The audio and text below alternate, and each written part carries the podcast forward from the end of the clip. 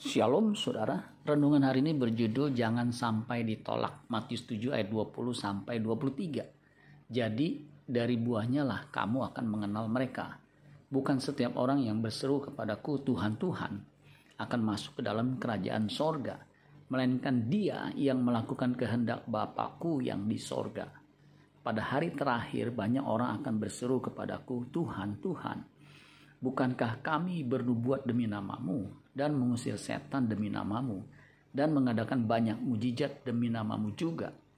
Pada waktu itulah aku akan berterus terang kepada mereka dan berkata, Aku tidak pernah mengenal kamu, nyahlah daripadaku kamu sekalian pembuat kejahatan. Setiap kita pernah mengalami kegagalan.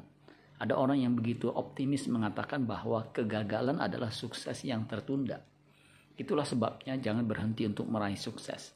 Tetapi tahukah saudara, kegagalan yang paling tragis, tragedi di atas tragedi adalah jika kita ditolak masuk ke dalam kerajaan Allah. Inilah malapetaka di atas malapetaka. Jangan sampai kita ditolak Allah. Bagaimana perasaan Anda ketika ditolak? Ratap dan ketak gigi itulah gambaran orang yang ditolak Allah. 2 Tesalonika 1 ayat 9. Mereka ini akan menjalani hukuman kebinasaan selama-lamanya, dijauhkan dari hadirat Tuhan dan dari kemuliaan kekuatannya.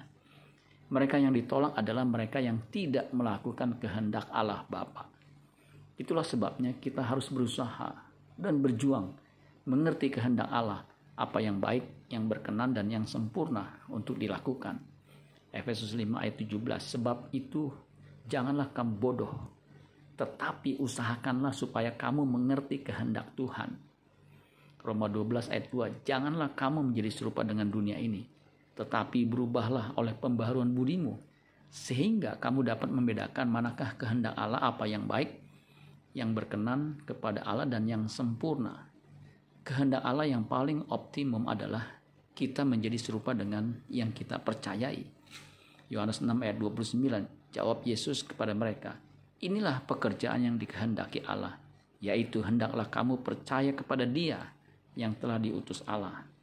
Hanya mereka yang berkodrat seperti Kristus yang akan sampai ke rumah Bapa di sorga dan disambut dengan segala kemuliaannya.